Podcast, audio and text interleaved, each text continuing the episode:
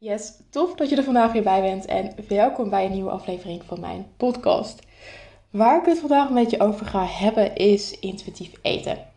Want wat gebeurt er in je hoofd als ik zeg chocola is chocola en een appel is een appel?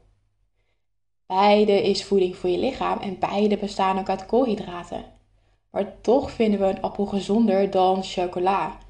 En waarschijnlijk omdat er meer voedingsstoffen in zitten, meer vezels. Maar is een appel ook nog steeds gezonder wanneer jij jezelf chocola verbiedt? En in plaats daarvan continu appels eet? Ik denk het niet. voeding is voeding, alleen we leggen er zelf een lading op. Gezond versus ongezond. Op basis daarvan beslissen we of we het mogen eten, in plaats van dat we intunen op ons lichaam. Want we doen dit met ons hoofd. We doen dit vanuit gedachten, vanuit ratio. En wat zou er gebeuren wanneer je lichaam het kan en ook mag beslissen? Dat je niet gaat eten omdat het moet of omdat je nog zoveel calorieën over hebt, maar omdat je lichaam aangeeft voeding nodig te hebben. Het laatste stukje waar ik het over had is intuïtief eten. Maar wat is dat eigenlijk? Want er wordt zo vaak wat verteld over diëten. Dieet hier, dieet daar. Ga maar geen koolhydraten eten, ga maar geen vetten eten enzovoort. Dan heb je ook nog intuïtief eten. Is dat weer het volgende dieet? Ik denk het niet. Ik denk juist dat dat super sterk is dat jij naar je eigen lichaam kunt luisteren en op basis daarvan ook kunt gaan eten. Want intuïtief eten is letterlijk eten op basis van jouw gevoel. Het is letterlijk hoe je in contact kunt komen met je eigen signalen, zoals honger, uh, in hoeverre jij verzadigd bent, maar ook in hoeverre jij voldaan bent als we even kijken ook naar hoe wij waren als baby's, dan helde jij wanneer je trek had. Je, je gaf aan wanneer je honger had. En op basis daarvan kreeg jij ook eten. En je stopt ook met drinken wanneer je genoeg had gehad. Maar hoe meer we ook veranderen, hoe meer we ook ouder worden, verandert dit tot een bepaalde hoogte. We ontwikkelen steeds meer regels voor onszelf en beperkingen, maar ook krijgen we bepaalde gedachten en oordelen rondom eten. En dit komt door de invloed van de media, maar ook door je ouders. Moest jij bijvoorbeeld altijd je bord leeg eten? Of zaten jullie altijd super lang aan tafel?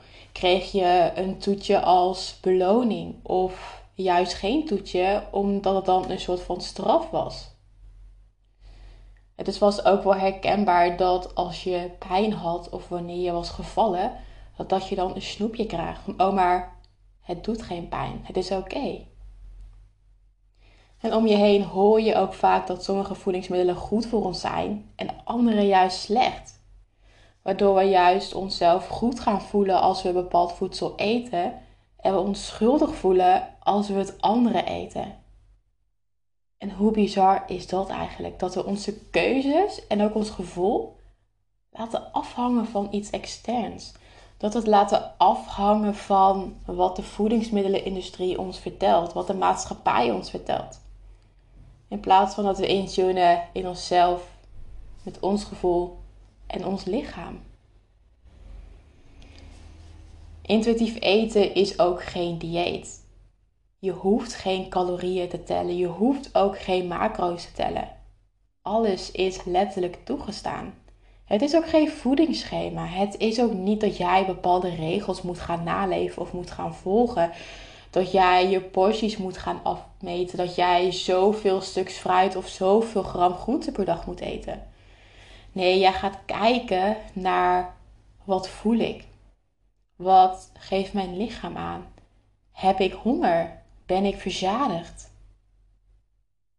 En hoe kan ik daar vervolgens naar gaan luisteren? Je legt dus letterlijk de focus op jouw interne signalen. En dat is ook wel jouw intuïtie, jouw onderbuikgevoel. En je stopt met het luisteren naar externe signalen, zoals de regels die jij jezelf hebt gesteld en de beperkingen, beperkingen die jij jezelf hebt opgelegd. Jij geeft jezelf toestemming om te eten wat je wil, zonder dat jij je daarbij schuldig voelt. Het vertrouwen daarmee is dat jij ehm, heel erg kunt intunen op jezelf, maar ook op jouw eigen signalen. Dus je weet wanneer je honger hebt. Je weet ook wanneer je verzadigd bent. En je weet ook uh, wat jouw energieniveau is. En je vertrouwt erop dat je lichaam jou vertelt wanneer jij moet eten, wat je ook moet eten en hoeveel je moet eten. En het klinkt nu best wel hoog of ingewikkeld. En hierbij zijn ook een aantal dingen belangrijk. En het eerste wat daarbij belangrijk is, is om vriendschap te sluiten met eten. Ik weet vanuit mezelf vroeger, maar ook vanuit de mensen die ik begeleid, dat, dat eten altijd een strijd is. Dat je eten gaat labelen als goed of slecht en dat je op basis daarvan ook jouw keuzes maakt. Maar haal het label eens weg. Maak eten neutraal. Een appel is niet beter dan chocola. En chocola is niet beter dan een appel. En geef jezelf ook toestemming om te eten. Als jouw lichaam aangeeft om een stukje chocola, eet het. Ga jezelf er niet ontzeggen. Want op het moment dat jij jezelf het continu gaat ontzeggen, krijgt jouw brein er alsmaar meer zin in. En er komt een moment dat die emmer vol is en dan krijg je weer een eetbui. Dan zit je ook weer in die vicieuze cirkel van eten, van overgeven en weer gaan eten.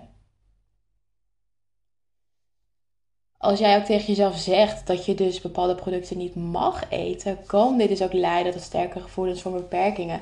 En dat ontwikkelt zich vervolgens ook door die oncontroleerbare, onbedwingbare trek. En uiteindelijk ook toegeven aan, tussen aanhalingstekens, verboden voedsel zou waarschijnlijk zorgen voor te veel eten. Of een eetbui, aangezien je niet weet wanneer je het weer kunt eten. En dit te veel eten veroorzaakt ook juist schuldgevoelens. En op basis daarvan begint die vicieuze cirkel ook continu opnieuw. Doordat jij jezelf iets beperkt, krijg jij trekken niet. Vervolgens ga jij daar te veel van eten en dan schaam jij je, krijg je schuldgevoelens. Het tweede wat daarbij belangrijk is, is om dus het label eraf te halen. Ga het niet labelen als gezond of ongezond. Want op basis daarvan ga jij het categoriseren en voel jij je ook schuldig wanneer je iets gaat nemen uit jouw ongezonde lijstje.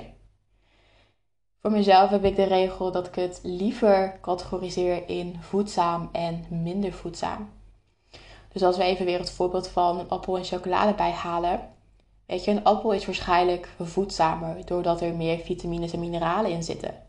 Maar het betekent niet dat het per se beter is dan chocola. De chocola heeft weer andere stofjes, andere dingen in zich die een appel niet heeft. Wat daarbij nog meer belangrijk is, is dat jij je hongergevoel ook gaat respecteren. Ik zie vaak ook bij mensen dat ze hun trek gaan onderdrukken, dat ze een hongergevoel gaan onderdrukken door heel veel te gaan drinken bijvoorbeeld. Maar honger is een normaal proces dat zich afspeelt in jouw lichaam. Net als jouw slaap. Wanneer jij je moe voelt, krijg je ook eerder het gevoel of het idee om te gaan slapen. En hetzelfde is met honger. Als jij het hongergevoel ervaart in jouw lichaam, mag je ook wat gaan eten. En je mag erop vertrouwen dat dit goed is. Dus zorg ook dat jij voldoende energie krijgt, dat jij voldoende koolhydraten binnenkrijgt. Om ook maar jouw lichaam uh, levend te houden, draaiende te houden. Als jij je eigen lichaam niet voldoende voeding geeft, dan kun je ook weer een trigger krijgen tot overeten. En dat is heel logisch, want jouw lichaam wil overleven. Jouw lichaam wil in leven blijven. En zodra je het moment van extreme honger bereikt, gaan alle goede bedoelingen om, beheerst en bewust te eten overboord. Dus leer ook om naar jouw signalen te luisteren, om ze ook te respecteren. En om op basis daarvan te leren vertrouwen in jezelf, maar ook in eten. Ik weet nog dat toen ik zelf stopte met niet luisteren naar mijn hongergevoel en met calorieën tellen, dat ik het super spannend vond. Ik dacht echt, oh, maar als ik al mijn eetregels overboord gooi, als ik al mijn restricties overboord gooi, ik ben bang om los te gaan. Ik ben bang dat ik super erg aankom en dat ik echt alles ga eten wat los en vast zit. Want nu mag het. Maar dat gebeurt niet.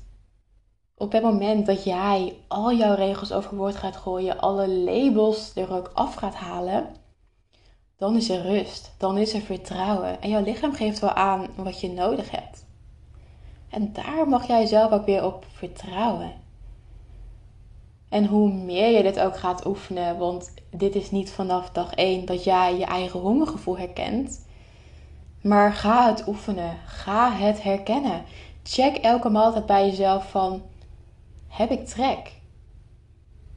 Waar heb ik zin in?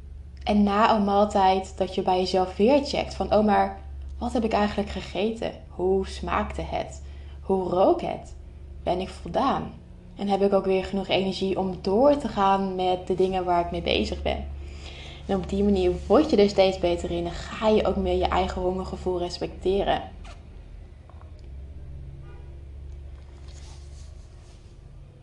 Daarnaast is het ook belangrijk om lief te zijn voor je eigen emoties. En wees je allereerst van bewust dat voedselrestrictie zowel op geestelijk als ook op lichamelijk vlak kan leiden tot een verlies van controle. En dat kan vervolgens ook weer aanvoelen als emotioneel eten. Dat jij eet om andere redenen dan fysieke honger. En juist ook om je eigen emoties te onderdrukken. En misschien is het voor jou wel herkenbaar dat jij eten gebruikt om onaangename gevoelens en emoties te onderdrukken. Of zelfs wel te verdoven. Je hebt zoiets van, nou weet je, die emoties prima, maar ik heb ze liever in de prullenbak. En je kunt ook eten uit verveling of uitstelgedrag. En probeer jezelf andere copingmechanismen aan te leren om je te helpen bij problemen te troosten, gerust te stellen, oplossingen te zoeken en ook om jezelf af te leiden. Want wanneer jij eten gebruikt als copingmechanisme, is dat misschien heel fijn als korte termijn oplossing, maar op de lange termijn krijg je er veel meer ongemak van. Want emoties die mogen er zijn en zijn ook een hele mooie raadgever. En ze vertellen je letterlijk wat er in je lichaam gebeurt en daar mag je ook naar luisteren. En we hebben allemaal emoties. We ervaren allemaal angst, allemaal verveling, allemaal eenzaamheid, blijdschap, woede, alles. En dat zijn allemaal emoties die we ervaren in ons leven. En elk gevoel heeft zijn eigen trigger. En er is ook voor elk gevoel ook weer iets wat het ook weer kan laten verdwijnen of wat het werkbaar voor je maakt. En een emotie is altijd kortdurend, maximaal 90 seconden. En wanneer er ook gedachten bij komen, dan wordt het een gevoel. En vanaf dan ben jij verantwoordelijk. Jij bent verantwoordelijk voor jouw gevoel. En als jij ook verantwoordelijk bent, kun jij er ook voor kiezen welk gevoel jij wil voelen. Dus stel jij bent boos op iemand, iemand heeft jou iets misdaan, dan kan jij jezelf gaan verliezen in die boosheid. Maar je kan er ook voor kiezen om die boosheid er even te laten zijn, het te accepteren en om vervolgens te kiezen voor een andere emotie, bijvoorbeeld tevredenheid. Want alleen jij hebt iets aan die boosheid. De ander, die heeft niks aan jouw boosheid. Dus je hebt alleen jezelf ermee. Een ander punt wat ook belangrijk is, is om jouw lichaam onvoorwaardelijk te respecteren. En jouw lichaam is letterlijk datgene wat jou in leven houdt. Het ademt, het beweegt en brengt jou ook van punt A naar punt B. Respect voor je lichaam betekent ook dat jij luistert naar je lichaam. Zowel op fysiek vlak, maar ook op mentaal vlak. Dat je op een positieve en vriendelijke manier naar je lichaam praat, bent en ook waardeert zoals het nu is. Accepteer hoe jouw lichaam eruit ziet. En vanuit daar kun je het ook gaan veranderen, mocht je dat willen. Het is zinloos en ook letterlijk frustrerend om negatief te zijn over je eigen lichaam. Om ook irreële verwachtingen te hebben. Dus kijk ook hoe jij jezelf beter kunt voelen over je eigen lichaam. Om de focus te kunnen verleggen van alles wat er mist naar alles wat er wel is. Want we leggen heel vaak de focus op dat wat er niet is. Maar er is juist wel heel veel, of er zijn juist wel heel veel dingen die er wel zijn. En daar mag je ook dankbaar voor zijn. Daar mag je de focus op leggen. En het is oké wanneer jij nu niet altijd de liefde voor je eigen lichaam voelt. Maar weet ook dat je daar aan mag werken en dat het jou ook heel veel liefde kan opleveren. Je slaap daarin is ook belangrijk. En vaak wanneer we minder goed slapen en de slaapkwaliteit ook minder is, heb je sneller de neiging naar cravings. Je hebt vast wel eens meegemaakt dat je na een nacht slecht slapen sneller trek hebt. Daarnaast is ook stress wat ervoor kan zorgen dat jij eet bij je hebt. Wanneer jij in stressmodus zit, zijn jouw cortisol levels hoger, heb jij ook meer zin in minder voedzaam eten.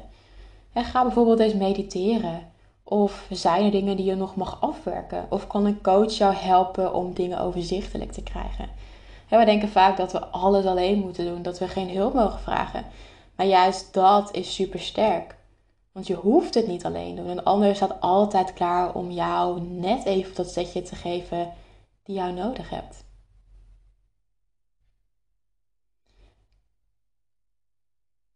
Ik heb tijdenlang mijn eten getrackt. Ik gebruikte hiervoor een app waarin ik alles invulde, ook alles afwoog, uh, zodat ik ook wist wat ik binnenkreeg.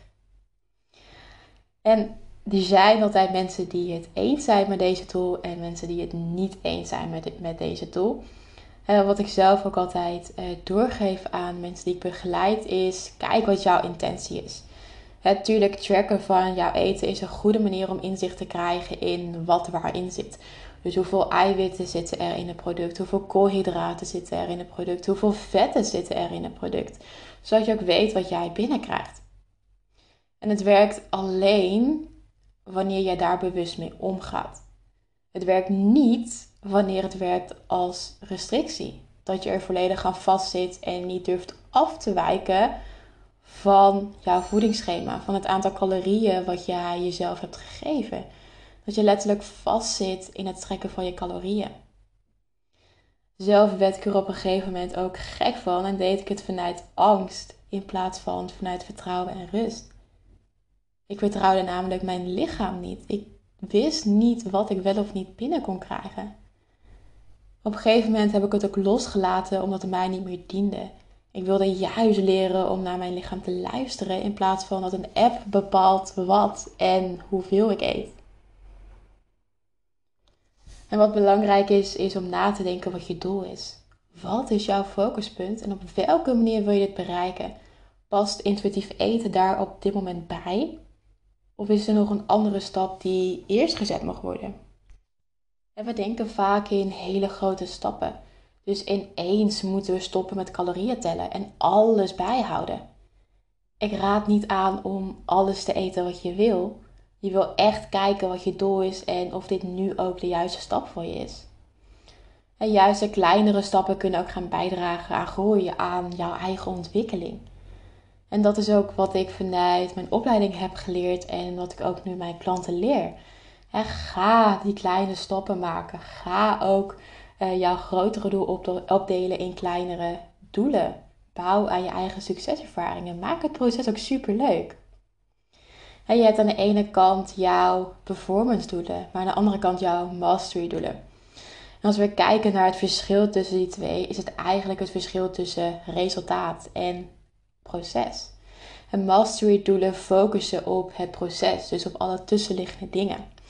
Terwijl performance doelen echt focussen op de uitkomst. Zelf leg ik altijd liever het proces, eh, de focus op procesdoelen, op mastery doelen. Want die kan ik controleren, die kan ik beïnvloeden. Dat is ook wat je met die kleine doelen doet. Door consequent te zijn, door gewoontes op te bouwen en routines in te plannen, kun je ook die doelen beïnvloeden. Terwijl de uitkomst, die kun jij niet controleren. Jij weet niet of jij jouw uitkomstdoel gaat behalen. Dus start eens met gewoontes opbouwen en vaste routines. En je kunt je macro's random inplannen en je maaltijden flexibel inplannen. Het voordeel is dat je redelijk veel kunt eten, ook wanneer het niet de meest voedzame optie is. En het nadeel is dat, is dat je geen vaste gewoontes opbouwt op het gebied van voeding. En je dus continu moet puzzelen om de macro-puzzel letterlijk compleet te krijgen. Terwijl wanneer je redelijk vaste maaltijden hebt en x aantal fruit en x aantal groenten wil eten, dit ook veel meer rust kan bieden. Dus kijk ook of jij daar een vaste structuur in, kunt krijgen. Een moment voor je ontbijt, voor je lunch, voor je avondeten. En mocht je lichaam aangeven tussendoor trek te hebben, eet dan ook een tussendoortje. En zelf vind ik het fijn om vijf keer per dag te eten. En de ene dag is het minder en de andere dag is het wat meer. Dat ligt er ook aan hoe actief ik ben geweest die dag. Op een dag dat ik zwaar train, heeft mijn lichaam meer voeding nodig dan wanneer ik een rustdag heb. Een kleine stap die jij nu ook kunt gaan zetten is om niet meer jouw fruit en groenten te gaan afwegen. En dit was voor mij toen de tijd een fijne stap, omdat het relatief weinig calorieën bevat. Ik kan me voorstellen dat het eng is om iets niet meer af te wegen. Dus om de stap wat behapbaarder te maken, kan het fijn zijn om dit met producten te gaan doen die weinig calorieën bevatten. En wanneer dit goed gaat, kun je met een maaltijd beginnen.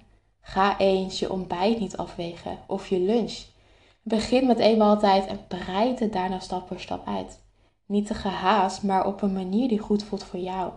Want jij wil een duurzame relatie met voeding opbouwen, zodat je zelf verzekerd wordt en niet meer fulltime bezig bent met eten.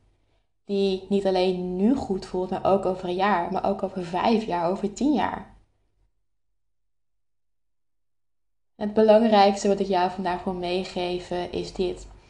Check je denkwijze over eten, over je lichaam en je gewicht.